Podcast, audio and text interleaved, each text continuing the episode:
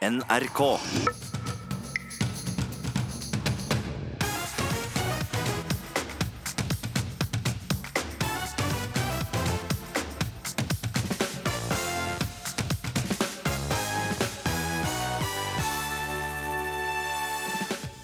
Klar melding til Nav-direktøren fra en av de uskyldig dømte i trygdeskandalen. Jeg vil si til henne at hun virkelig nå må rydde opp. Hvis hun ikke er noe kompetent til å vite at hun nå kan rydde opp, så får hun bare ta hatten sin og gå av øyeblikkelig. Og Sigrun Vågeng sier hun går av, men ikke før om ett år. Bort med milliardærene. Vi bør sette en grense for rikdom, sier filosofen. Nei, la folk bli og forbli rike, og gjerne rikere, svarer finansnestor. Og denne uken så var det ett år siden Anne Elisabeth Hagen forsvant fra Lørenskog. Vi har sett på en annen sak der politiet er sikre på at den som er savnet, er drept. Jeg tror jo ikke at han lever. Det gjør jeg ikke. Men, men jeg kan heller ikke forholde meg til at han er død før jeg har fått det bevist. Det sier Heidi Molstad Andresen. Hennes bror Per Voldnes forsvant for åtte år siden. Velkommen til ukeslutt i NRK P1 og P2. Jeg heter Vidar Se. Sigrun Vågeng, direktør i Nav. Hvordan har denne uken vært? Den har vært vond, travel. Så har det vært en uke hvor jeg har fått anledning til å si unnskyld til mange av de som har vært berørt. Jeg har jobbet for å skaffe meg oversikt internt, og ikke minst ta vare på mine egne medarbeidere. Ja, altså for vi har altså vært igjennom en uke der den store trygdeskandalen ble kjent, og, og flere har jo også bedt deg om å gå. For som de fleste nok har fått med seg nå, Minst 48 personer er uskyldig dømt for trygdesvindel etter at de oppholdt seg i et annet EØS-land mens de mottok sykepenger, arbeidsavklaringspenger eller pleiepenger. Mange har blitt rammet fordi Nav har tolket EU-reglene feil, og verken advokater, påtalemyndighet eller domstoler oppdaget eh, dette. Folk vi har snakket med, har delte meninger om de fortsatt har tillit til Nav. Tilliten til Nav eh, har blitt svekket med den saken, det vil jeg si. Og tilliten til forvaltningen mer allment, og hvordan de forholder seg til EØS-regler. Hvordan EØS-lover og forskrifter blir eh, fortolket i Norge. Man kan ikke miste tilliten til en eh, organisasjon eller en etat da, med, gjennom én sak. Selv om dette har pågått i flere år, så det er selvfølgelig en skandale. Det er jo det riktige ordet. Har jeg tillit til Nav? Ja, det tenker jeg jo. Men jeg ville være mye mer skeptisk. Altså, jeg ville undersøke mye mer selv. Hvis det gjaldt meg eller noen jeg kjenner eller noen av mine. Jeg må si jeg syns det kan sås litt tvil om effektiviteten og om hvem som egentlig skal ha noe som helst ansvar. Det er sterkt pulverisert når noen tolker det ene veien og andre den andre veien. Men den sommel som har vært på slutten, den har jeg liten tiltro til. Altså Nav må granske seg selv. Og helt opp til Eller det er ikke bare Nav, det er jo domstolene og påtalemyndighet og ministre osv. Så, videre. så det er en veldig stor eh, ryddejobb som må gjøres. Og da vil du si at du kan ha tillit til Nav igjen? Ja, det er klart. Det er, den er ikke tapt for alltid. Ja, Det var ukesluttsreporter Hina Jalil som hadde møtt folk på gaten. En som har liten tiltro til Nav, er Rune Halseth. 55-åringen ble funnet skyldig i trygdesvindel for over 300 000 kroner, og sonet fire måneder i høysikkerhetsfengsel. For det første så vil jeg si at du følte deg som en eh, sild inni en sånn sardinboks. Du satt sammen med mennesker eh, det, Jeg tror det var åtte eller ti mann som satt inne på den ene lukta avdelingen. Det var jo narkodømte, det var eh, drapsmenn der, det var eh, ja, de verste du egentlig kan tenke deg. Nesten alle hadde jo mellom åtte og tolv års fengsel og sånn. Og da så kommer jeg der med nyoperert fot og på krykker, sammen med den gjengen der. Og du hadde jo ikke noen relasjoner med de, de sitter og diskuterer rundt omkring hvor mye de er eh, rana, eller hvor mye de er smugla inn til Norge, og alt dette her, så du følte deg egentlig veldig alene. Og ikke kom du bare deg bort hvis det dukket opp noen situasjoner, for jeg gikk jo på krykker. Det var jo ikke kjangs. TV 2 tok deg med tilbake denne uken her. Eh, I reportasjen så sier jeg at det, det var vanskelig å, å, komme tilbake til eh, der Det var det. Var veldig tøft, syns jeg. Um, å se de murene og vite hva som egentlig befinner seg på baksiden av de murene der. Hva gjør det å bli eh, mistenkt og også dømt for svindel? Du føler deg um, rett og slett med, går rundt med et stort stempel i panna, er det første. At du er en eh, bedrager, en stor kjeltring, og du har snytt staten, du har snytt Nav. Og ikke minst at uh, folk Du føler at alle snakker om deg rundt omkring, og der går han. Han som har gjort det.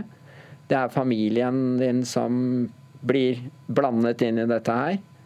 Det er eh, ryktet ditt detter ned. Du tør nesten ikke å gå ut. Du, du blir rett og slett en helt annen person etter en sånn opplevelse enn det du var før du gikk inn der. Og da begynte jo ting å gå bra. Og så blir du revet helt ned i bunnen. I, alt blir liksom revet i stykker på et moment. Hvordan har det påvirket eh, livet ditt? ettertid nå så er jeg blitt enormt forsiktig med hvem jeg snakker med. Hvem eh, som jeg vil ha kontakt med. Det er bare nærmeste venner egentlig og familie. Du, jeg kan virke kanskje veldig åpen, blid når du er ute, men i bunn og grunn så tror jeg nesten det er en fasade utad som du har nå venta til. At vi smiler og er hyggelige, og så er det ingen som kan ta deg på det, i hvert fall. Selv om det spinner og gror inn i hele kroppen din. Er det noen som titter på meg? Er det noen som snakker om deg nå? Er det noen som kjenner til dette her? Og da Du føler deg litt sånn at du blir faktisk nesten blir forfulgt ennå. Du, du, du, er redd for at det, det, står et stempel i panna di? Eh, ja. Kjeltring? Mm. Rett og slett. Trygdemisbruker? Ja. Så skjedde en ny vending denne uken her. Eh, en eh, pressekonferanse og en erkjennelse fra eh, myndighetenes side at mange har blitt urettmessig behandlet. Har du hørt noe fra noen om din Nei. situasjon? Ingenting. Men du vet selv at du er ja. urettmessig behandlet? Det vet jeg. Og det har vi, det, det har vi faktisk fått bekreftet, da. At jeg er en av de. Men ikke da fra Nav, men eh, fra de andre instansene som har vært innblandet. Som nå, de har faktisk kommet med alle papirer allerede. Intervjuet med deg, Rune, ble gjort eh, i opptak. Du kunne ikke være med direkte i ukeslutt, men eh, etter vår samtale så sitter Sigrun Vågeng her. Hva vil du si til henne? Jeg vil si til henne at hun virkelig nå må rydde opp. Hvis hun ikke er noe kompetent til å vite at hun nå kan rydde opp, så får hun bare ta hatten sin og gå av øyeblikkelig. Og det ville jeg også helst at hun gjorde. Det tror jeg hadde lettet mange mennesker. At hun tok sitt ansvar, og var sitt ansvar bevisst, og gikk av. Neste punktet er at hun må, før hun eventuelt skulle gjort det, komme med en skikkelig unnskyldning hvor hun virkelig mener det hun mener. Noe jeg ikke kan se at hun slettes har gjort ennå. Og kanskje gitt lyd fra seg til eh, de berørte. Og komme nå med et eh, fullstendig opplegg hvordan de betaler tilbake penger som de faktisk har stjålet fra deg. For du venter på en telefon fra Sigrun Vågeng? Ja, det gjør jeg. Det sa altså Rune Halseth. Og eh, ja, Sigrun Vågeng, direktør i Nav. Eh, når blir Rune kontaktet? Først vil jeg si at det er veldig hjerteskjærende å høre Runes historie. Og til deg, Rune, om du hører på sendingen nå, så vil jeg gjerne si unnskyld til deg og til alle som er berørt. Eh, det har vært en veldig travel uke. Jeg har vært i kontakt med veldig mange. Jeg har brukt mye tid på å si unnskyld. For det er hjerteskjærende og vondt. Her har det sviktet i veldig mange ledd. Og det skal selvsagt ikke enkeltmennesket bli utsatt for. Så aller først, Rune, unnskyld til deg og til alle andre berørte. Eh, så er det sånn at jeg har brukt denne uken nå på å skaffe oss oversikt. Sette i gang et innsatsteam som nettopp skal gå inn og se på der vi har tilbakekrevd saker. Har vi gjort det feil? Eh, jeg har bedt eh, internrevisjonen vår om å gå gjennom og se på alle fakta i saken. Og så er det jo sånn også at når vi har disse sakene som er oppe, på arbeidsavklaringspenger bl.a., sykepenger, så må vi også ta en gjennomgang og se på hva kan det være andre ting vi også må se på? Det arbeidet har jeg startet opp. Mm. Og Et stort og omfattende arbeid eh, som ligger foran deg nå? Ja, det er det. Og jeg har brukt eh, veldig mye tid denne uken på å sette i gang det arbeidet. For det, det er der vi nå må skaffe oss den oversikten, sånn at vi kan få rettet opp der hvor det har vært gjort feil. Mm. Eh, Rune er jo kritisk, som vi, vi, hører. Han er ikke den eneste som er kritisk til at uh, du blir sittende. Flere har jo denne uken bedt deg om å, å gå. Uh, gjør det inntrykk at det kommer uh, sånne krav fra flere hold? Ja, Det er selvsagt det har vært en vond og vanskelig uke for veldig mange i Nav. For meg personlig så er det litt underordnet hva som skjer Eh, med min stilling. All min oppmerksomhet nå har jo handlet om de som, som Rune og som andre som har blitt berørt av dette. Sette i gang et arbeid for å få ryddet opp, få oversikt. Og så er det jo også sånn at som leder i Nav så har jeg eh, mange gode medarbeidere som hver dag går på jobb for å hjelpe folk i gang. Mange av de har jo også fått kritikk, men det er jo ikke de som tolker lover. Eh, så det er jo også om å gjøre å, å, å jobbe sammen med dem. Og, og, vise dem at Nav skal fortsette å, å, gjøre det arbeidet de skal for å få folk i arbeid. Mm. Og hjelpe de som trenger de ordningene de skal ha. Belastende uke for, også for dine ansatte. Det har det vært. Eh, forstår det. Um, til VG sier du at du går om et år. Det var en planlagt avgang, dette her. Det er sånn at Når du blir etatsleder i staten, så får du en såkalt åremålskontrakt, og min går ut eh, neste år. Og så igjen, hva som handler om min stilling, det får andre å avgjøre. Jeg bruker ikke tid på det nå. Nei, for det, det kan Vi vet ikke, men uh, kanskje det skjer noe her, eh, om du må gå tidligere. Men, men uansett, da, hvis du, du, sitter til neste år, Sigurd Vågeng, så har dere altså startet da, et, et, omfattende arbeid for å se om det har, har foregått regelbrudd også i annen type eksport av ytelser. Tror du at du blir ferdig med dette her før du sier ha det bra til Nav? Det vet jeg jo ikke. Det jeg kan si noen ting om, det er dagen i dag. Og tiden i nærmeste fremtid nå. Det er nå vi setter i gang. Nå ringer vi til de som har fått eh, en, en tilbakekrevingsvedtak. Vi skaffer oss oversikt over hva som har skjedd. Vi vi konsentrerer oss nå først om arbeidsavklaringspenger, om sykepenger og om pleiepenger. Og så må vi se hvordan det utvikler seg. Men, men dette er jo en, da vi oppdaget etter hvert dimensjonene på denne saken så, og gikk ut og sa her har vi gjort feil. Og vi ser at dette også eh, i løpet av denne uken, hva som kommer fram, så sier det seg selv her kommer det til å ta tid. Og statsråden har jo selv også sagt at hun ønsker å nedsette et eksternt granskingsutvalg som skal se på det. Jeg tror nok uansett om min tid i Nav blir lang eller kort, vi kommer til å bruke mye tid på dette. Mm. Riksadvokaten fikk jo dette nærmest på sin siste arbeidsdag, Tor Aksel Busch. Ehm, det kan jo være at du, du går ut som Nav-direktør med dette her fortsatt i fanget. og hendelsen, altså Dette her vil jo henge ved deg. Sånn er det å være leder. Eh, jeg har konsentrert meg om at når Nav har gjort en feil, så har vi selv gått ut og sagt at her har det vært feil. Og så syns jeg også denne uken nå har vist at her har det sviktet i mange ledd. Eh, jeg som leder i Nav tar ansvar for det som er i Nav. Eh, setter i gang oppryddingsarbeidet og retter opp de feilene, og ikke minst unnskylder overfor alle de som har vært berørt av ja, dette. Og de, og de, får de rettmessige pengene sine tilbake? Eh, ja, nå skal vi inn eh, så raskt som mulig. Jeg skjønner jo at Rune også ønsker, som alle andre, at dette skal gå fortest mulig. Ja, hvor fort, kan, du, hvor ja, fort kan, du love Rune, da? Det er snakk om 300 000 her. Jeg, kan ikke gå inn i hver enkelt sak. Jeg blir veldig glad når jeg hører at han er kontaktet. Han har jo sonet sin straff. Eh, domstolapparatet er, eh, tar ansvar for de som har vært inne der. Vi kontakter nå alle de som har hatt urettmessige, kan ha hatt urettmessige trekk.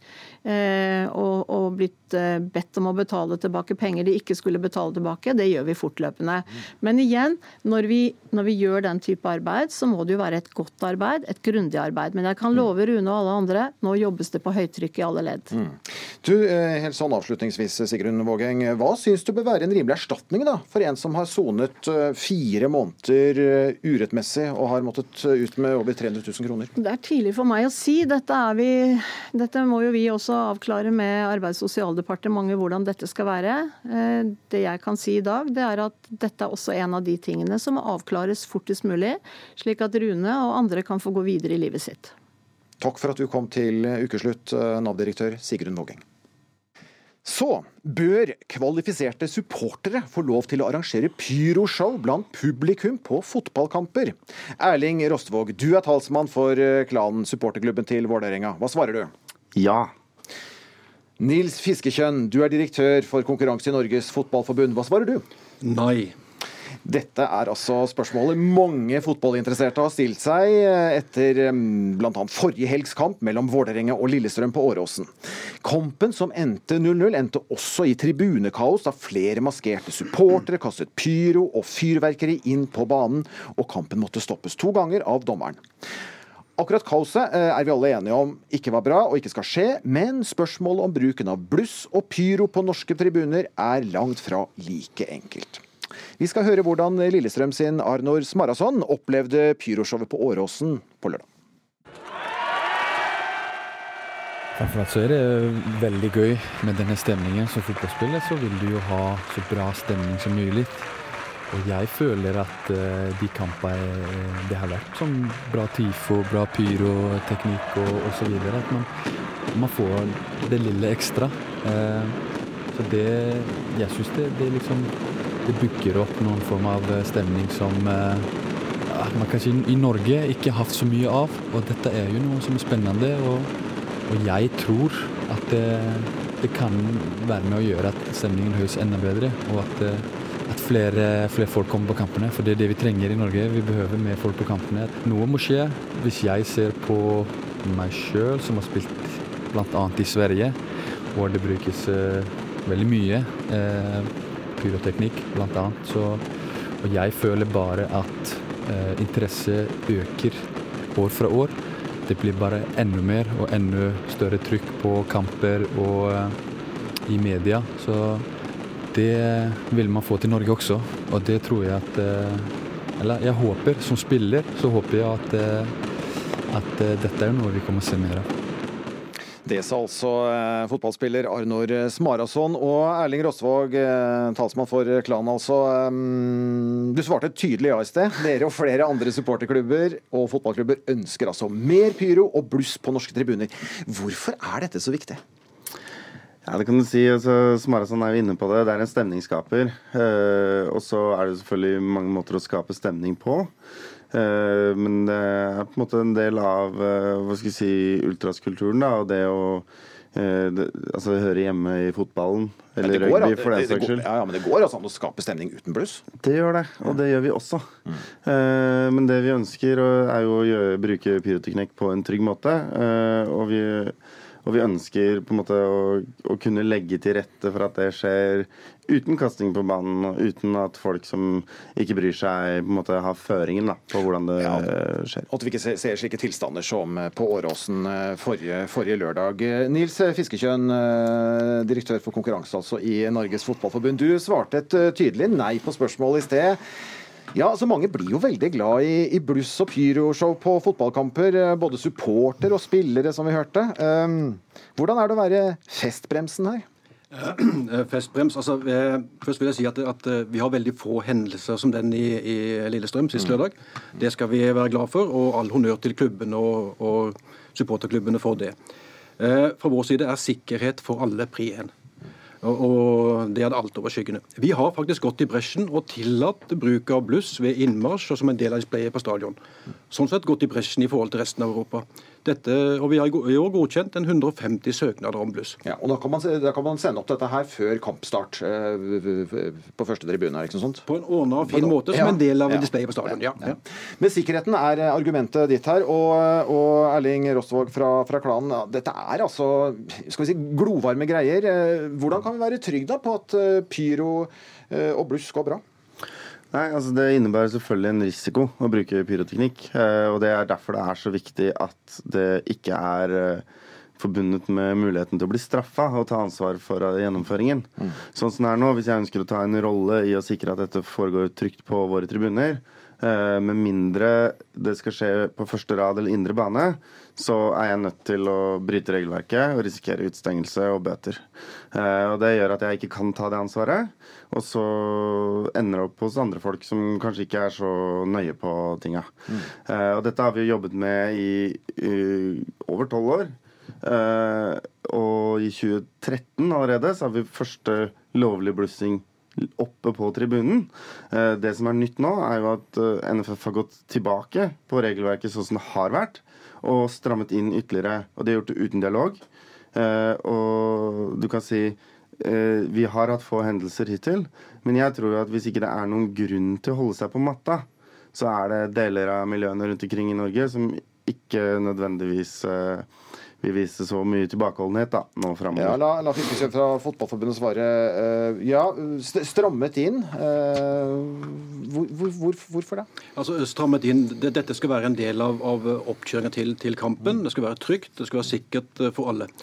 Den forventningen fra enkelte miljøer om å vilkårlig blusse i en folkemengde for å feire, hvor folk jubler og, og er glad og adrenalinet er høyt, og da fyre opp noe som har over 1000 grader varme innenfor folk, det har ikke vi sett som sikkerhet. Men slik jeg skjønner klanen her, så har jo de utdannet egne pyroteknikere som, som, som, som, kan gjøre dette her på en, en, en, trygg måte. Det er ikke en hvem som helst som, sender opp. Det er ja, fagfolk, eller i hvert fall utdanna folk innen pyroteknikk, da. Jo da, men så lenge dette er en tett, på en tett tribune med masse folk, med unger og barn og voksne og gamle, så er ikke dette trygt. Nei, for det kan jo fort være at det er en liten barnehånd som plutselig kommer foran, eller, eller noen andre foran dette her. og ja, altså, Nå står det, det jo som regel ikke små barn rett ved blussene, og vi har jo sikkerhetsavstand på, ja, men hvis det er på tribu, tribunen, så er det i hvert fall folk rundt. Det er folk i nærheten, ja. ja. Men vi lager jo en sikkerhetsavstand på en meter.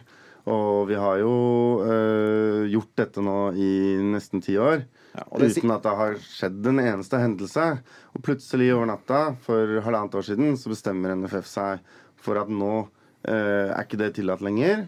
Og så bruker de da et eh, foredrag for å begrunne det, som henter tilfeldige eh, bilder av bombeofre på nett for å, for å, vise at dette er risikoen ved pyroteknikk. Altså Det er en ganske sånn uærlig måte å, å snakke på, og uærlig måte å å på en måte argumentere på da, for sikkerheten. Er dere uærlige? fiskeskristian? Uh, Overhodet ikke. Det, det, som det her siktes til, er et foredrag av en engelsk doktor som uh, Uefa bruker som ekspert innenfor pyroteknikk. Han inviterte vi til Norge etter for å holde et foredrag for supporterne. Det som dessverre kom fram da, at det var brukt illustrasjonsfoto som ikke var direkte fra pyroteknikk. Mm. Men her er uenigheten. Det skal få lov å sendes opp, men bare kun før kamper. Mens klanen bl.a. mener at det skal sendes under kamper og etter scoring. Nei, vi hadde altså en ordning vi, hvor ja. vi kunne sende opp kun før kamp. Og så hadde vi en dialog med NFF om kanskje det også skulle være mulig for bortelaget å gjøre nettopp det. Uh, og det var en ordning som fungerte ganske godt. Og så ønsker vi å kunne gjøre det ved scoring òg. Men det som er grunnen til at konfliktnivået er høyt nok, er jo at den ordningen ved innmarsj også er strammet inn uten forvarsel. Og uten å engang snakke med de som har skrevet regelverket som bl.a. er meg, da. Jeg skjønner. Eh, litt sånn avslutningsvis, Det er kanskje et lite sånn dialogproblem her, da, Fiskekjønn? Du, eh, dialog med supportergrupperingen har vi hatt i mange mange år. Eh, dessverre så har den vært litt forsura de siste årene, fordi at det har vært fra vår side litt for stor fokus på pyro. Vi burde diskutert andre ting enn akkurat pyro. Eh, Erling Rostvåg fra, fra, klanen. Hvilken fremtidig kamp ser du for deg at det fyres opp med pyro og bluss, og vel å merke fra utdannede pyroteknikere? Har du en sånn favorittkamp du ser for deg? Oh, ja, sånn, ja. Nei, altså, alt som er Derby og lokaloppgjør, er på en måte åpenbare kandidater. Da er det litt ekstra trøkk og forventninger. Ja. Og Men jeg, jeg, er litt opptatt av den dialogen her, fordi det er bare halvannet år siden jeg snakket med Nils på telefonen, og så sa han dette høres ut som en veldig viktig problemstilling. Kan du ringe meg igjen på mandag, så avtaler vi et møte? Og så ringte jeg igjen på mandag, og så tok du ikke telefonen. Og så etter at jeg hadde purra flere ganger og sendt deg noen meldinger og sa nå skulle vi nå, nå, må vi få avtalt det møtet snart. Så fikk jeg en tekstmelding. Du må snakke med Geir. Men hele samtalen handlet jo om at du var Geirs overordnede, og Geir hadde sagt at jeg kan ikke ta den beslutningen. Okay. Det er dialogen vi har med NFF. Ja, og da, da, høres det ut som meg at dere trenger å ta en liten dialog, eh, Fiskekjønn. Eh, dere kan jo ta det nå. et, etter, et, et, etter, etter, debatten her. Og den inviterer vi selvsagt ja. til. Eh, men det er viktig å si altså på mandag så ble to barn skadet i Malmö under bruk av pyroteknikk. Ja. ja fordi noen kastet pyroteknikk ut okay. på banen, ned på ballguttene. Det ønsker ikke vi, og det er alle her i rommet enige om. Det er ikke det vi diskuterer. Det vi diskuterer, er om dette skal være lov å gjøre i ordna former, hvor folk stilles ansvarlig, men at det å ta ansvar ikke være, innebærer en risiko for å bli straffa. Ja, og Da tror jeg ikke det blir helt enige her i studio. Dere får eh, ta og snakke litt sammen eh, på vei ut. Erling Rostvåg, talsmann for eh, klanen i Vålerenga, og Nils Fiskekjønn, som er direktør for konkurranse i Norges Fotballforbund. Og denne uken eh, er det også ett år siden Anne Elisabeth Hagen forsvant fra sitt hjem i Lørenskog. Familien er villig til å strekke seg langt for å få gode svar på hva som har skjedd med Anne Elisabeth. Det har vært en massiv eh, politietterforskning i et eh, år, hvor både kapasitet og kompetanse har vært i fokus. Så det er åpenbart at vi vet mer nå eh, enn det vi gjorde i starten. Eh, slik at dette er bakgrunnen for at vi nå eh, er og gir uttrykk for at vi mener at det er mulig å løse denne saken. Vi hørte her etterforskningsleder Tommy Brøske og Hagen-familiens advokat Svein Holden. Nå til en annen sak, hvor politiet også er overbevist om at det dreier seg om et drap, men hvor den drepte ikke er funnet. Det siste Per Vålnes skal ha gjort, var å feire sin egen 50-årsdag hjemme i Balsfjord i Troms. Etter det er det ingen som har sett ham, og politiet er altså overbevist om at han er drept. I slutten av denne måneden er det gått åtte år siden Per Vålnes forsvant. Ukesluttsreporter Kari Li møtte søsteren hans, Heidi Molstad Andresen. Jeg tror jo ikke at han lever. Det gjør jeg ikke. Men, men jeg kan heller ikke forholde meg til at han er død, før jeg har fått det bevist. Heidi Molstad Andresens bror er borte. Det er snart gått åtte år siden noen så ham sist. Per var, eh, så lenge jeg kan huske, alltid innmari opptatt av musikk. Han eh, var den her unge rockeren med langt hår som ung. Eh, og hadde veldig veldig lyst til å gjøre noe innen musikk. Han spilte gitar. Og var også veldig opptatt av foto.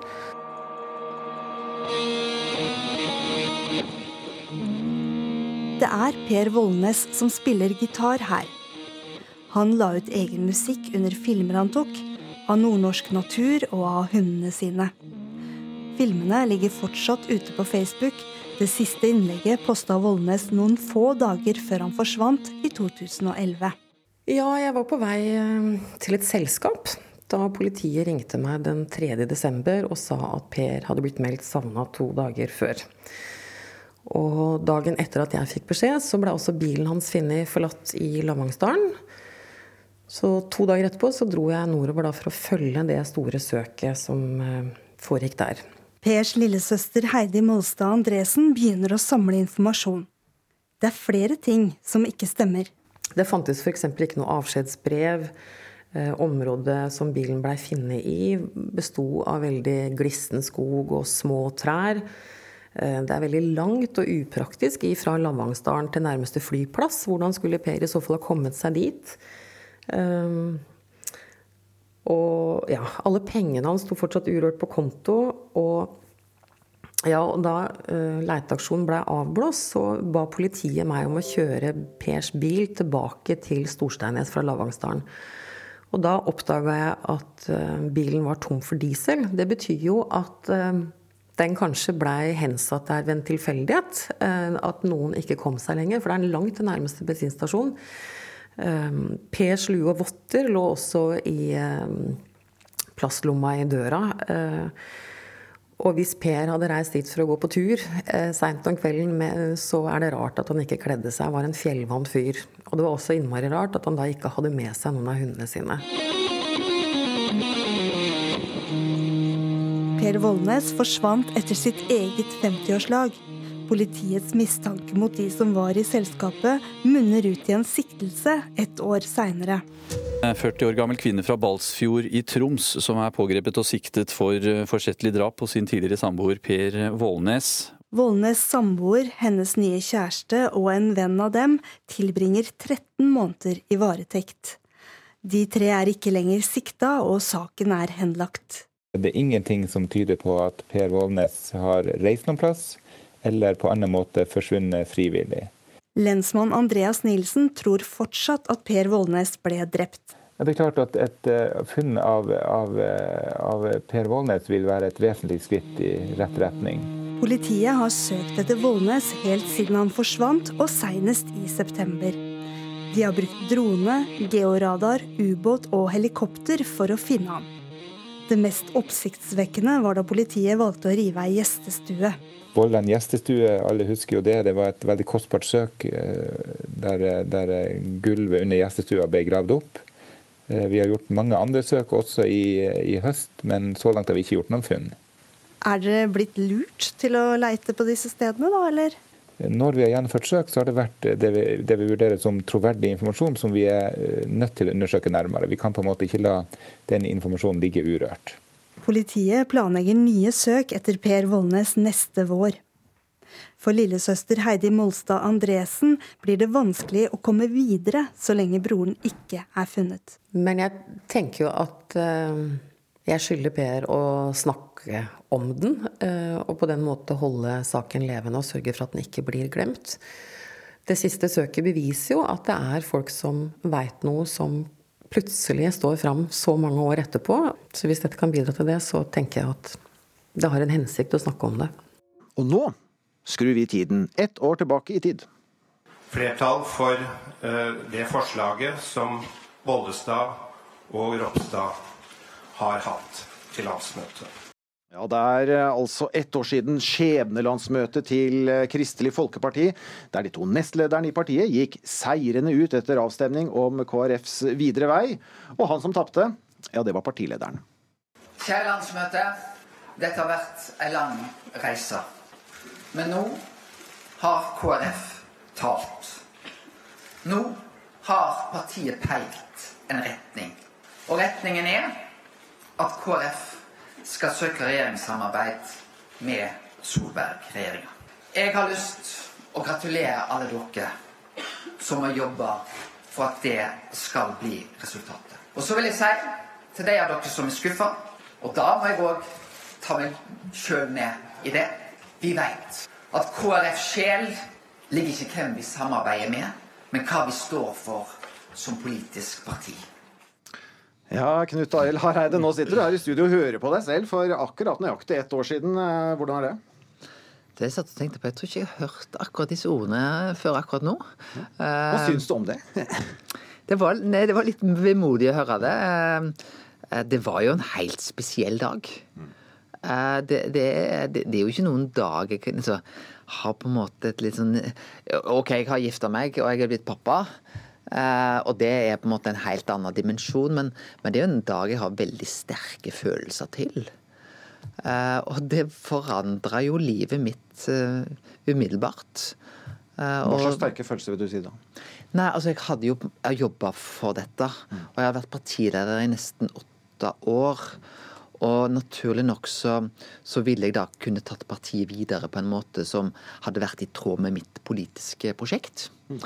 Og det ble det en resolutt slutt på. Det gjorde det. Og du beskriver jo selv denne kampen, eller veivalget, um, som en ferd mot Mount Everest. Mens du stoppes altså ti minutter før du kommer opp, eh, sa du til meg her. Eh, en såpass strabasiøs ferd eh, med tap. Det er ergerlig. Ja, det er det. Altså, jeg er jo fysisk kledd. Og Gud har jo skapt meg som en typisk klatrer. Lett i kroppen. Og, og, og jeg har jo på en måte gitt hele mitt nesten voksne liv til KrF. Ja, jeg har vært litt i næringslivet, men så ble jeg politisk rådgiver, ble statssekretær, var statsråd en periode, kom inn på Stortinget, ble partileder. Og det er klart at Mitt politiske prosjekt ville jo blitt krona hvis jeg hadde vunnet fram her. Men det ble ingen Mount Everest? Nei, og jeg ble stoppa rett før, følte jeg. Og det var veldig jevnt. Du, ja, du, Knut Arild Hareide. Denne uken så kom altså boken 'Hareides fall'. 36 dager som endra norsk politikk. og Det er skrevet av din tidligere rådgiver Emil André Erstad. Du, Jeg tenkte jeg skulle lese et eh, bitte lite utdrag her, for han skriver alle draumene mine gikk i knas 2. November, november 2018. Rett etter tapet gikk jeg rundt og fortalte venner og kjente at jeg ikke var bitter. Det skal en liksom ikke være. Men så en dag stansa en person meg og spurte Virkelig ikke? Hvorfor er du ikke bitter, du som har all grunn til å være nettopp det? Og så slutta jeg å si at jeg ikke var bitter, for jeg var jo det. Jeg er bitter som få. Hva med deg?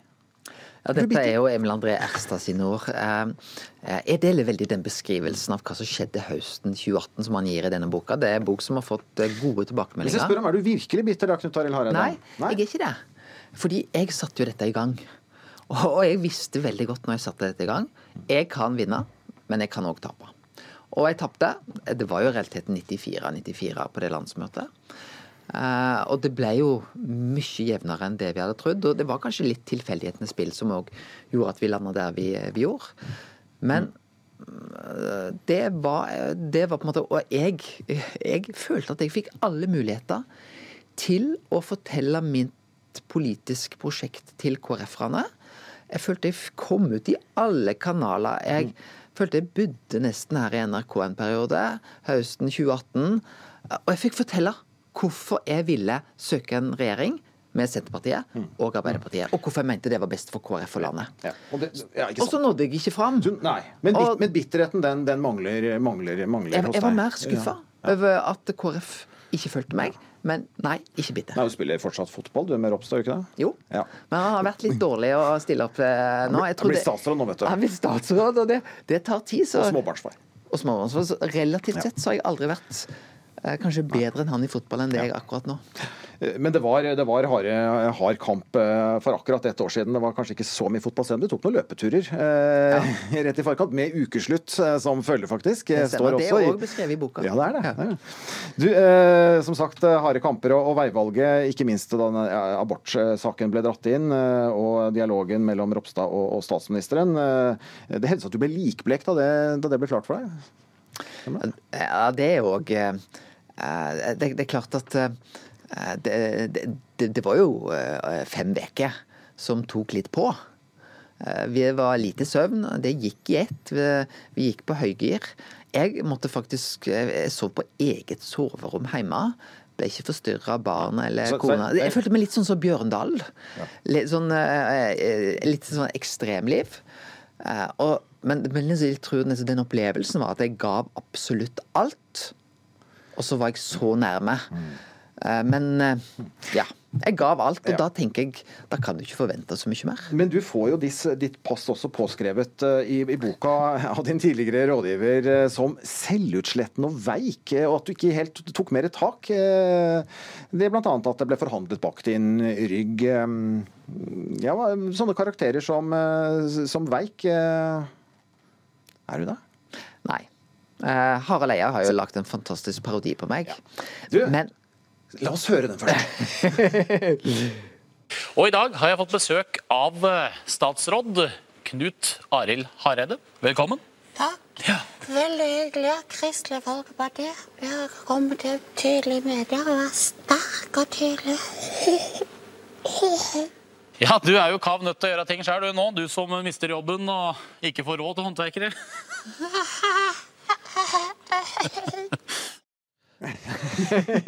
Lik- lik- lik- Liker du parodien? Ja.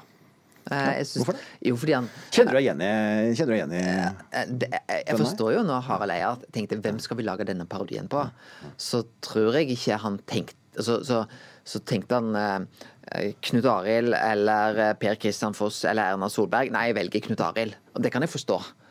Eh, men det er jo litt sånn at hvis du møter Kåre Willoch eller Knut Arild i en mørk bakgate en fredag kveld, du blir ikke veldig redd. Men det kan jo være en tydelig politiker likevel.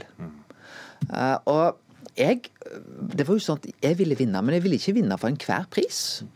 Uh, og hvis jeg vant, så ville jeg ha legitimitet for det valget. Det var viktig for meg at KrF fikk fram alternativene, og at de valgte det de ville. Og så ga jeg en tydelig anbefaling.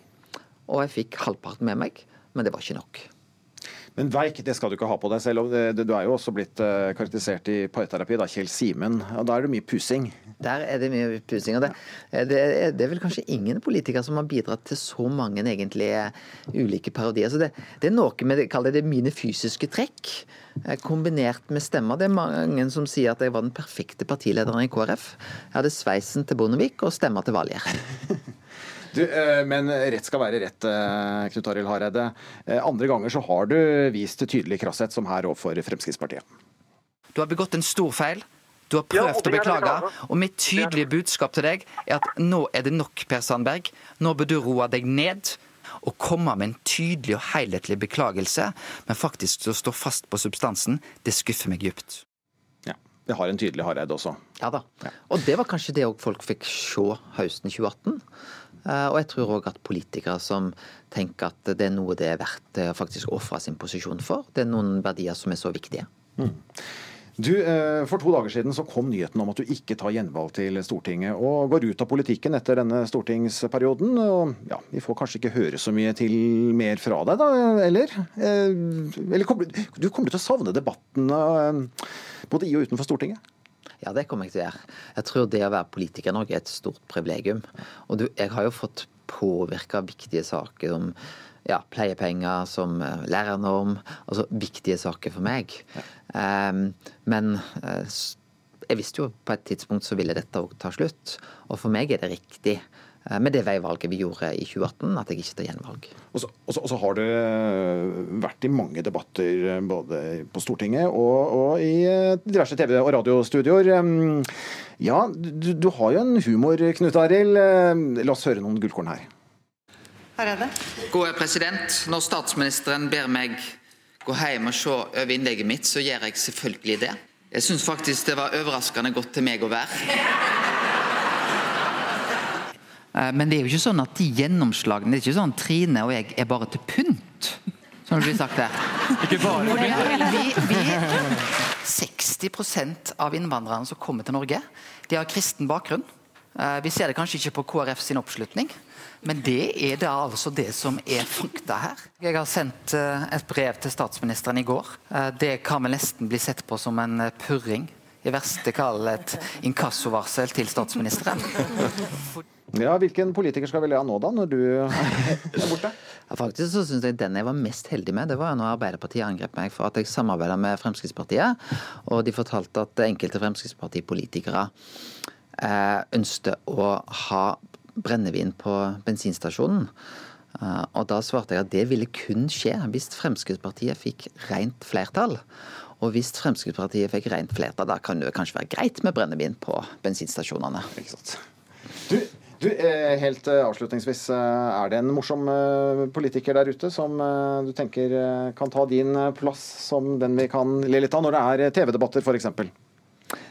Jeg tror det er mange av de. Det Har du et navn, eh, Hvem syns du er morsom? Eh, Jeg har jo eh, både hatt gode humoristiske samtaler og debatter f.eks. med statsministeren. Jeg husker jo at jeg utfordra på bokse, oppheving av proffboksing, og da gikk jo hun eh, opp og svarte veldig elegant at hun trodde at eh, hun og jeg stilte i forskjellig vektklasser. Så, men det er faktisk noe med at, at humor preger politikken, men det må alltid være relevant til det en diskuterer. Ja, de penga, ja, de penga er til bekymring for fattig og for rik. Ja, de penga de er altså til en bekymring for fattig og for rik, eh, mener i hvert fall noen. For eh, vi bør sette en grense for rikdom til beste for både de rike og alle andre. Ja, det skriver du, David Vogt, førstelektor i filosofi ved Universitetet i Bergen. Og i kommentaren din, som sto på trykk i Bergens Tidende denne uken, så mener du det er på tide å kutte hos de rikeste, altså milliardærene. Hvorfor det? Ja, spørsmålet jeg stiller er om rikdom, når den konsentreres på få hender, sånn at eh, noen da blir superrike, om det er et problem for samfunnet. Og mitt svar er ja. Eh, Når noen blir veldig, veldig rik, så slutter rikdommen å være bare en privatsak som angår den rike og, og dennes familie. Da.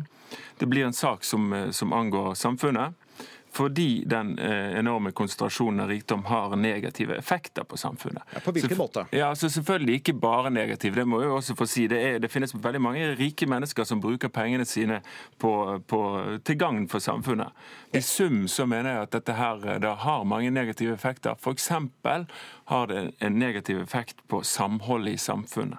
Altså Når det blir veldig store forskjeller mellom folk, så er vi på en måte ikke lenger i samme båt. Det blir som at man lever mer i parallelle verdener der noen lever i en, en luksusverden med andre i denne verden, og så er det da eh, i resten av samfunnet. Og Dette her viser jo forskningen at får veldig negative konsekvenser. F.eks. på tilliten i samfunnet. F.eks. på kriminalitetsnivået. Så, så nevner du også klima. Jeg har også et poeng hos deg at uh, klimaavtrykket kan bli mindre? Riktig. sant? Altså Du har det, dette med at det preger samfunnet negativt sosialt sett på mange ting, men det er også vil jeg jo si at uh, veldig ofte så forbindes rikdom med et stort forbruk. Og at blant de superrike så har du et enormt ja, forbruk som rett og slett ikke er bærekraftig. Og at det er en grunn også til at man må begrense på ulikt vis den superrikdommen. Mm. Her har vi jo da sett noen eksempler. For bare noen uker siden så, så avslørte jo um, Dagens Næringsliv De hadde tracket uh, privatflyet til Petter Stordalen, som nå er da blitt brukt tilsvarende 3600 turer til New York med med rutefly. Altså Det er et sånn enormt overforbruk. Og det her er jo en periode hvor vi er nettopp nødt til å få ned utslipp. for vi har, vi har et begrenset karbonbudsjett, og da er det urimelig at noen skal få grebbe til seg en så stor del av det karbonbudsjettet. Mm. Eh, du nevnte Petter Stordalen her, og hvis vi holder oss i Norge, da. Han eh, er eh, rangert på en ellevteplass på Kapitals liste over de rikeste. Og, og ifølge denne listen da, til Kapital for i år, så finner vi rekordmange milliardærer. Hele 341 personer. Og det er 33, det er flere enn året før. Ja, her i Norge så går det ikke helt din vei, eh, David Vogt? Nei, og det gjelder også i resten av verden. så det, at, eh, det, det, blir mer ulikhet. og det er der jeg tenker, Da må vi spørre oss når er det for stor ulikhet? Altså når, Hvor bør det, bør, bør det gå en grense? La oss holde oss eh, her i, Norge litt nå, selv om det kanskje er en dråpe i havet med våre milliardærer sett opp mot uh, det globale. Men vi har med oss finansnestor og tidligere aksjemegler, og nå forvalter Jan Petter Sissener. Er det på tide å snu milliardærtrenden her i landet? Jeg kan vel først si at det er vel få land i verden hvor forskjellen mellom rik og fattig er så liten som i Norge. Jeg vil også gjerne føye til at eh, stille et spørsmål til David. Hvor vil du sette grensen? Er det på 10 millioner, 100 millioner, 500 millioner? Hvis du ser på en god del av de Norges aller rikeste, så Stein Erik Hagen, Petter Stordalen, Jon Fredriksen, Olav Thon, Petter Stordalen, Kjell Inge Røkke de er alle self-made menn som kommer fra veldig enkle kår, og som virkelig har fått det til. Når skulle du sagt til Kjell Inge Røkke at nei, nå er nok nok, nå kan du la være å jobbe lenger? Mm. Ja, Vogt. Hva svarer ja, nei, altså for Han må for all del fortsette å jobbe, det er ikke det. Men, men ser du på de 100 rikeste i Norge, så er to tredjedeler av de arvinger. Det finnes selvfølgelig en del av disse self-made men også, for all del. Men, eh, men, eh, det er også det at det er veldig mange arvinger som er rike. og Der er jo desto større grunn til å sette en, en begrensning. Mm. Når du spør hvor går grensen, det, det, er et kjempegodt spørsmål, og det er et vanskelig spørsmål. Og jeg skulle til å si eh, fristende å stille deg rett tilbake igjen. Mener du at det bør gå en grense noe sted, eller skal vi rett og slett bare la, la det skure og gå, og at det eventuelt blir enda større forskjeller enn det er i dag? Jeg tror ikke noen fattige ville bli noe som helst rikere at de rike ble fattigere. Men, men, men, men Sissener, eh, hvis vi gjør da et lite tankeeksperiment eh, eh, og følger Vogt her i det at vi må prøve å begrense milliardærene, og hvis vi da skulle beskatte disse superrike på en slik måte at de ikke får være milliardærer, hva skjer da? Nei, altså, eh, Mange har forskjellige drivkrefter, så jeg skal ikke si at det er absolutt i min utsagn. Men jeg vil jo tro at hvis du når et tak, om det er på 100 eller 500 millioner, når det taket, så er du ikke villig lenger til å ta risiko. Du bare konserverer, for du vet at enhver videre oppside tilfaller staten eller hvem det skulle være. Men, men eh, Jan Petter Sissener, spå inn i 2020, og Kapital eh, presenterer sin liste. Hvor mange milliardærer har vi på listen da? Ja, Du har sikkert flere enn du har i år, for du har hatt et hyggelig børsår. Så skal jeg tippe 350-360, og så er det vel også slik at en del milliardærer kanskje tar og deler ut pengene eh, før dette dødsskatt, dødsskatten gjeninnføres. Jeg har jo ja, jeg har jo lyst til å, å, si at det er helt sikkert eh, blir større vekst hvis du tok de 20% rikeste og ga alle pengene til de 20 fattigste. Men jeg er redd for at det ville bli som å pisse i buksa. Det er varmt en liten stund, og så blir det kaldt etterpå. Det aller meste vil gå til forbruk, og veldig lite vil gå til verdiskapning. Ja. Det byr på en god del utfordringer. og samtidig, så, samtidig så må vi også kunne stille spørsmålet om også eh, sånne utspill kan lukte litt av både misunnelse og jantelov. Nei, ja, nei jeg, har kosa meg godt i mitt rekkehus og jeg har ikke lyst til å bli superrik. Så det går helt fint. Og så har jeg skjønt det slik at eh, denne kommentaren du skrev i Bergens Tidende har eh, vekt eh, stort engasjement. Alt fra det dummeste jeg har lest, til en eh, fantastisk artikkel, stemmer ikke det? Det stemmer. Det har vært en eh, Ja, jeg vil absolutt si jeg har fått eh, mye tynn for han, men også veldig mange som har sagt at, eh, at de er kjempeenige i dette her. Så, Sånn er det blitt. Ja, Jommen ble det ikke også en debatt i ukeslutt om dette her. Takk for at dere kom til ukeslutt, David ja. Vogt, førstelektor i filosofi ved Universitetet i Bergen, og finansnestor og tidligere aksjemegler, nå forvalter Jan Petter Sissener. Hun var bare 15 år da hun startet det som skulle bli en av Norges mest leste mammablogger. Anna Rasmussen er den første generasjonen som vokste opp med sosiale medier. Hun er i dag 23 år og ber foreldre følge bedre med på hva egne barn driver med i sosiale medier. Det er, det er en verden på nett som man ikke vil utsette ungene sine for. Det er jo som Man lar jo ikke ungene gå alene langs eh, mørke gater, og det er litt sånn å la de være på internett. Et sjeldent intervju. Anna Rasmussen, bedre kjent som mamma til Michelle, er i Oslo for å promotere bok. Hun sitter i underetasjen på et av byens fasjonable hoteller og oppdaterer bloggen. Hva, skri hva skriver du om nå, da? Nå skriver jeg om signeringene som jeg har i kveld, for eh, å få folk til å komme der. Og litt om hva som har skjedd i dag, og hva som skjer videre. Mm. I boka Bare Anna gir Rasmussen, som så å si har vokst opp i sosiale medier, råd til foreldre i barns møte med internett. Fortell dem. Fortell dem hva som kan være skummelt. Fortell dem eh, hvorfor man er redd. Eller eh, hvordan man skal oppføre seg, og hva som er lurt og ikke lurt å gjøre. da.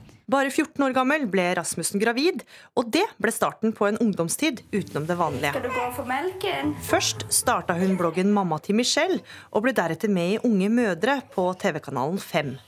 Skal du pusse litt mer sjøl, da? Jeg har jo, jeg liker å kalle det blitt voksen i, i offentligheten. Eh, fordi at jeg har delt så mye, og hele ungdomstiden min ligger ute på nett, og alle har sett alle feil jeg har gjort. Og, men òg masse riktig som jeg har gjort. Og jeg er bare 23 år, jeg kommer til å gjøre flere feil. Eh, jeg er jo ikke blitt fullvoksen ennå. Eh, og det syns jeg er litt fint å på en måte ha fokus på. Selv om jeg er mamma til tre stykker, så er det liksom viktig å tenke at jeg er, jeg er 23 år. Bare noen klikk unna får du vite det meste om Rasmussen og familien hennes, og hun får tidvis kritikk for ting hun legger ut på bloggen. Etter at hun publiserte en rekke nakenbilder. Flere bloggere har parodiert bildet. Men Hva vil du si da til foreldre som, eller folk som mener at du spiller for mye på kropp, f.eks.? Jeg spiller ikke på kropp kontra noen andre, så det, det er jeg ikke redd for. Og ikke minst, hun har fått kritikk for å eksponere barna på bloggen. I boka di så sier du eh, ikke skriv om andre enn deg selv, det er rådet til barn og unge. Men eh, hva tenker du om at du skriver om dine egne barn da? I bloggen din og i sosiale medier? Jeg ønsker ikke å snakke om det. Men det vil hun ikke svare på. Jeg tenker at Anna Rasmussen er en av de første som virkelig gjorde det å være ung mor og mammablogger til et allment fenomen. Hun klarte å fenge interessen til den eh, gangse nordmann og få med dem inn i sitt eget liv. Elise Alexandra Gulbrandsen, som trilla terningkast to i bokanmeldelse i VG, mener allikevel Rasmussen har nyttige råd. Erfaringene som Anna Rasmussen har, er absolutt verdt å lytte til, og jeg er ikke i tvil om at det til tider har vært veldig vanskelig. Som hun jo også skriver skriver om i boka. Men hva har du lyst til å bli når du blir stor? Tidligere i høst var Rasmussen og datteren Michelle i God morgen Norge. Blogger? Du har lyst til å bli blogger du også, sånn som mamma? Anbefaler du andre å starte blogg? Å, det er så vanskelig. Ehm, det er liksom ingen rett svar på det. Eh, jeg anbefaler overhodet ikke min datter det. Fordi at jeg eh, har opplevd det verste og beste med det. Og, og noen dager så, så vil jeg se veldig unt ut det positive med det, mens på negative dager så, så vil jeg aldri i livet utsatt henne for det. Så det er liksom den balansegangen mellom positive og negative ting. Og til syvende og sist så tror jeg jo jeg hadde holdt min egen datter unna det. Det at barna dine har vært på sosiale medier tidlig, hvilke tanker gjør du deg om det som sjøl vokste opp på sosiale medier? Mm, jeg tenker at det er veldig forskjell på å være på sosiale medier sjøl enn det å ha noen bilder, ut, bilder ute styrt av foreldre. Eh, foreldre er de som vil eh, passe på barna mest i verden. Så eh, som foreldre så gjør man noen forhåndstanker når man deler. Det gjør man ikke når man sitter der elleve år sjøl. Men så må jeg spørre deg, for i TV 2 også snakker du om det at eh, Michelle forteller hvordan det er å være gjenkjent på skolen. Ja. Ja. Og så så jeg en episode av bloggerne hvor folk også kjenner igjen henne og deg. Ja. Hva tenker du om det at hun også blir gjenkjent?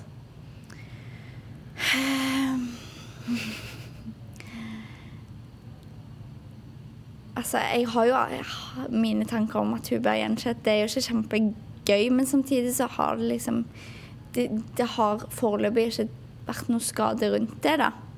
Og det er jo ikke bare hun, det er jo guttene òg. Jeg føler det er mye fokus på Michelle i forhold til sånn, men guttene blir like gjenkjent eh, som hun. Um, men jeg føler liksom at det, de merker så lite til det. Det, det er skolealder og pluss som merker til det, så Men eh, så langt så har Michelle syntes det var stas. Men hvem er du uten bloggen, da? Det vet jeg ikke. Eh, jeg har ikke vært eh, ungdom eller voksen uten bloggen, og det er nok det som er så skummelt med tanken på å slutte. For jeg er eh, Jeg er liksom mamma, så jeg blogger den, og så vet jeg ikke helt noe mer enn det. Ja, det var reporter Gry Veiby som møtte bloggeren mammaen til Michelle, Anna Rasmussen. Er det noe forskjell på sau og lammekjøtt? Ukeslutt har eh, påtatt seg å teste ut det på folk i dag. Og reporter Petter Pettersen, sist du var inne i sendingen fra St. Lars restaurant i Oslo, så var dere i gang med å tilberede både sau og lam. Er det klart for eh, servering? Her er det absolutt klart for servering, og kokken Kristoffer han har da tilberedt to ulike kjøtttyper. Eh, og nå har vi flytta oss ut på gata eh, for å sjekke da om folk kan kjenne forskjellen på disse to. Og med meg så har jeg da Tore Brand, og du har fått smake litt på de to, og, og var det godt? Ja, det var nydelig. Det var helt perfekt. Ja. Kunne du kjenne hva, hva slags type kjøtt det var? Ja mm, Jeg trodde at det første jeg spiste var lam, og at det andre var biff. Men jeg er ikke helt sikker når du først stiller meg det spørsmålet. Jeg er ikke så god til å kjenne forskjeller. Det kan hende at det er noe helt annet. Det kan godt hende at det er kid, og det kan hende at det er ja, noen uvante kjøttsorter. Ja. Ja, Det første du smakte på var altså lam, det var helt riktig. Og si- den andre du smakte på var sau. Sma, eh, Ah, ja. Smakte sauen godt? Ja, det smakte helt utmerket. Ja. Det, ja, altså Jeg har jo lest i avisen her da, om alle disse sauene som ligger på lager og som egentlig burde spist. Eh, Så det går jeg ut fra at dette var en smaksprøve for å demonstrere, og det lyktes eh, veldig godt. Jeg spiser ikke så mye fårikål, som er den tradisjonelle måten å bruke sau på, men jeg lager noen lammegryter. Eh, Og da kan du renskjære det du ikke vil ha av fett osv., og, så videre, og da er det greit, liksom. Mm. Men kommer du til altså, Du sier du bruker det ikke så ofte. Kommer du nå, nå som du har smakt eh, på, på, på sauen her, kommer du til å kjøpe sau eh, senere? Ja, jeg kommer til å kjøpe fårikålkjøtt. Altså, men jeg lager ikke fårikål, jeg lager en spansk lammegryte eh, med løk og som jeg koker, eller som står på eh, som står på plate i over en time, så det blir så mørt at det detter fra hverandre omtrent. Og det er sau helt fint til. Fårikålkjøtt er jo som regel sau, ikke sant. Eh, Så sauen er godkjent? Ja, ja, absolutt. absolutt. Ingen grunn til å ikke spise det, for å si det sånn. ja. Flott, takk. Jeg tenkte jeg også kunne gjøre en liten smaksbit på sauen. Um, mm, jeg må si det smaker veldig godt. veldig mørkt. Og har en veldig god og kraftig smak. Så jeg er også en fan av fårikål, og, og sau kan jo absolutt anbefales. Eh, både til Tore og mitt eh, skjønn eh, her fra gata på Bislett i Oslo. Gjett det er noen som er litt misunnelig her i studio. Eh, skulle gjerne smakt, eh, men da har vi fått testet det. Sau, det funker som bare det.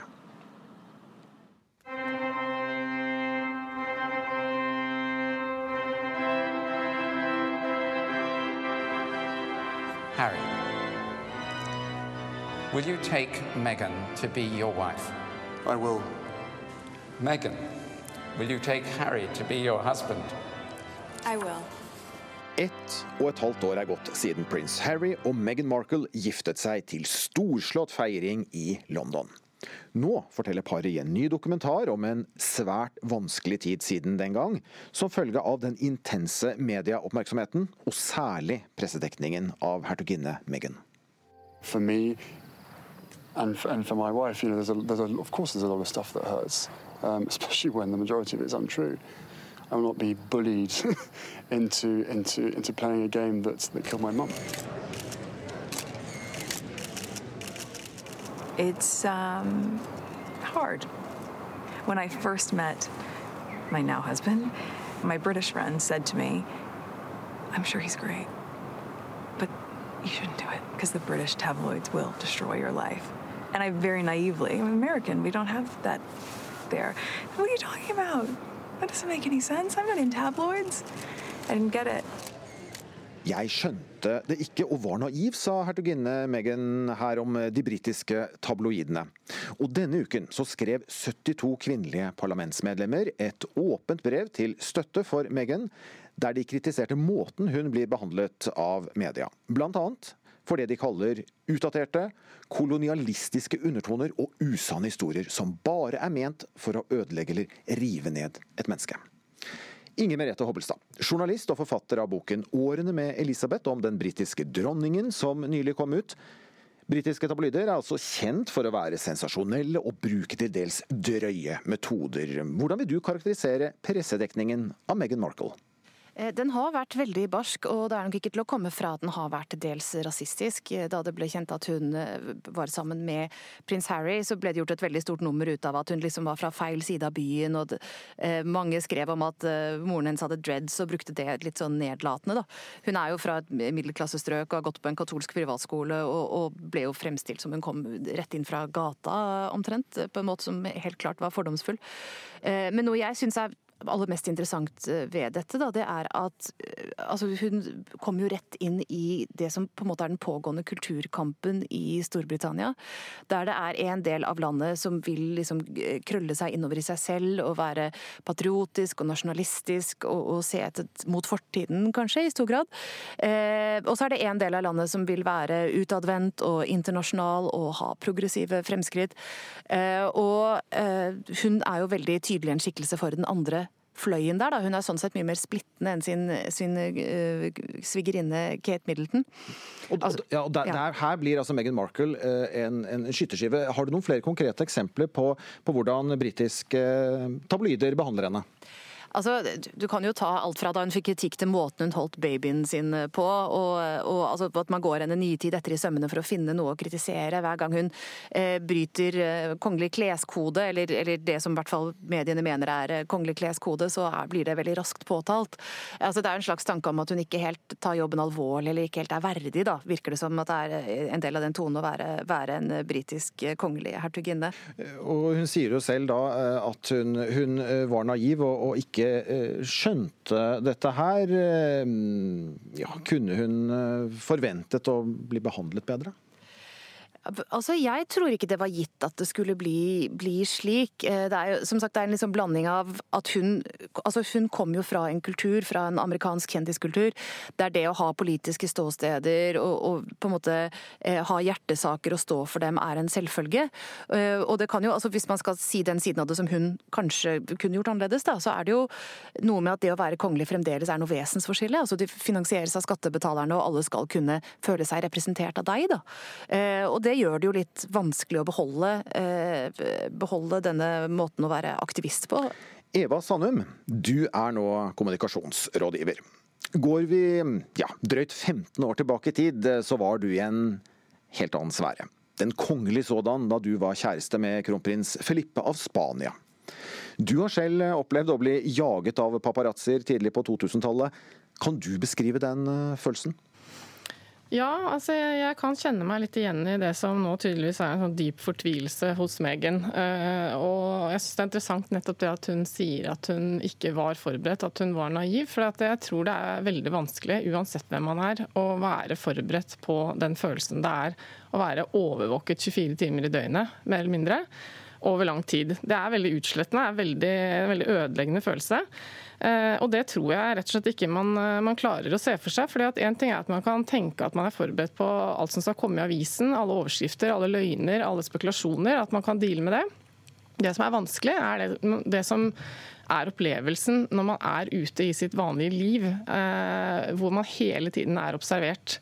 Jeg husker jo selv følelsen av å alltid måtte tenke at eh, jeg nå, eh, slik jeg er, kan havne på forsiden av avisen. Eh, alt jeg sier, alt jeg gjør, kan bli liksom, observert, fotografert.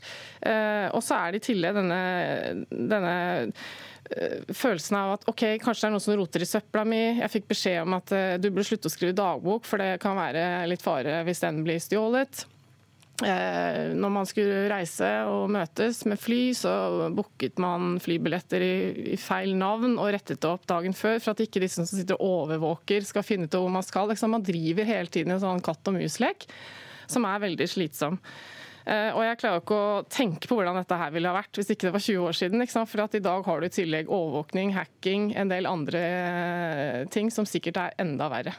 Eh, Meghan Markle eh, sier hun eh, var naiv rundt dette her. Den der naiviteten, det å komme fra en ikke-rojal krets og inn i, det rojale, du gjorde jo det. Kjente du også på det? Ja, selvfølgelig. Eh, nå er det jo selvfølgelig annerledes da, hennes situasjon, for hun er jo offisielt liksom, gift med prins Harry nå. Jeg var jo sånn sett litt utenfor, hadde ikke den hjelpen, for jeg var uoffisielt uh, foreløpig. Så, så, jeg tror nok uh, man, får en, man, man, får en annen støtte når man er inne i kongehuset. Men jeg tror for hennes del så er det noe helt annet, fordi at hun må deale med britisk presse. Man ser jo på disse oppslagene at det er en sånn grunnleggende mangel på folkeskikk. Eh, og det er det jeg er mest opptatt av, som jeg følte veldig på for 20 år siden også. at eh, en ting er presseetikk og, og, sånn, eh, som jo vi er sterkere på vil jeg si, innenfor dette feltet her i, i Norge da, enn i, enn i England. Men, men, det er altså Det er så frekt. Og det er så fælt, det som spekuleres i, at eh, det blir, liksom, det blir helt umulig å forsvare seg mot. Jeg kan jo legge til her at Litt av det Eva forteller, da, minner jo om det du kan lese om når du ser på historien om eh, Kate Middleton og prins William, for de var jo sammen i veldig mange år før de giftet seg. Mm. Og hvor vanskelig det ble, da, fordi hun var ikke verken innenfor eller utenfor. ikke sant? Så hun hadde ikke livvakter, hadde ikke den beskyttelsen, hadde ikke den at det sto liksom folk og holdt eh, folk på avstand rundt henne, men hadde fullt trøkk, da, ikke sant? på samme måte som hun ville hatt hvis hun giftet, eh, hadde giftet seg inn i kongefamilien. Og Det er noen sånne bilder av henne på 25-årsdagen der hun på en måte løper gjennom gaten i London. Det er 100 fotografer som bare eh, beinflyr etter henne. da.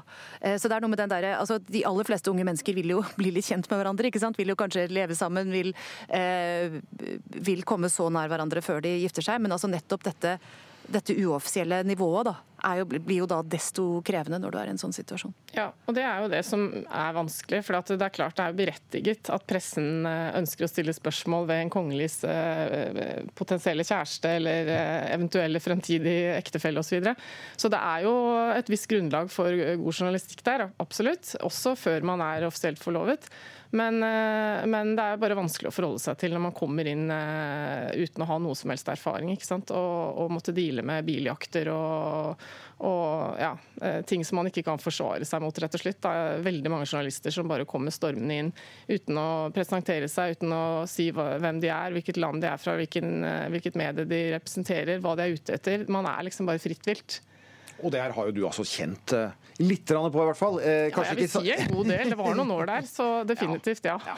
Kanskje ikke like mye som Meghan Markle, men, Nei, men, men, men, dog. Og, og, og, og Inger Merete Hobbelstad, nå har jo altså både prins Harry og Meghan gått til rettslige skritt, eller søksmål, mot flere medier. og, eh, vi hørte også Harry si at tabloidene drepte moren hans. Og vi husker jo eh, godt tilbake til 1997 og eh, den biljakten som eh, jo endte med Dianas død. Hva sier dette her om, om, om prinsens forhold til pressen? Altså, jeg tror Det er viktig å være klar over her at prins Harry har vært ekstremt preget av sin mors død, og det er jo ikke så rart, egentlig. Eh, man tenker at han var tolv år da hun døde, og dør på den måten. Eh, Og han hadde, har jo snakket åpent om det i senere år, at han gikk og det var bare Han sa at det var bare hvit støy i mange, mange år, da, hvor han drakk for mye og, og var helt ute, og, rett og slett fordi han undertrykte så utrolig mange vonde, vonde følelser. Eh, Og det er på en måte, og dette har også vært en sånn gjenganger i livet hans, for en ting er at moren hans dør på, på denne måten. Eh, en annen side av det er at han også har hatt to kjærester som har gjort det slutt med ham, antagelig i stor grad pga. dette, nemlig Chelsea Davy og Cressida Bonas. Man orker det rett og slett ikke. Eh, Nei, altså det, er, det sies jo hele tiden at eh, ja, men de lever jo tross alt et privilegert liv. Og som du sier, ballkjoler og det, det bildet av at det er et eh, så flott liv, det å komme inn i det kongelige. Men jeg tror alle som, som kommer med det argumentet, glemmer hvordan et sånt liv egentlig er. Jeg vil si at det absolutt ikke er et privilegert liv. fordi det er nettopp det at man hele tiden må forholde seg til det, dette mediekjøret. da. Og du har selv sittet i, i pressens faglige utvalg her i Norge og vært opptatt nettopp av eh, eh, kongelig vern. Ja, jeg har det, for det har har det litt også med din erfaring å gjøre, eh, det at du nettopp har vært opptatt av dette kongevernet? At du kjente på det for drøyt 15 år siden? Ja, eller altså, jeg vil si at eh, Når jeg har eh, vært involvert i saker i Pressens faglige utvalg som har handlet om eh, de kongelige, så har, det, så har mitt engasjement handlet om retten til et privatliv. At man, eh, Uansett hvem man er eh, som menneske, så har man behov for en, eh, for en sfære som er privat, og hvor man kan være seg selv, og hvor man har retten til å liksom, være innenfor husets fire vegger og ikke være overvåket. Og, og så er det alltid grader av det. For norsk presse har absolutt god grunn til å drive kritisk journalistikk mot kongehuset. Det er jo ikke det. Man må jo følge med på hvordan de bruker penger, hvilke skoler de velger, hvilke ektefeller de velger, om de misbruker sin posisjon og hvordan de holder på i næringslivet. Alt dette her er jo normalt å, å stille spørsmål ved. Eh, Men det er jo når det går eh, i den, i den retningen som det gjør med britisk presse, eh, som er noe helt annet, det er da det går gærent. fordi det er bare mangel på folkeskikk, og det er løgn, og det er umulig å forsvare seg mot. Takk for at dere ble med i Ukeslutt, Eva Sandum og Inger Merete Hobbelstad. Ansvarlig for sendingen det var Munever Ildis, teknisk ansvarlig Erik Sandbråten, og her i studio Vidar Sem, som ønsker en fortsatt god helg.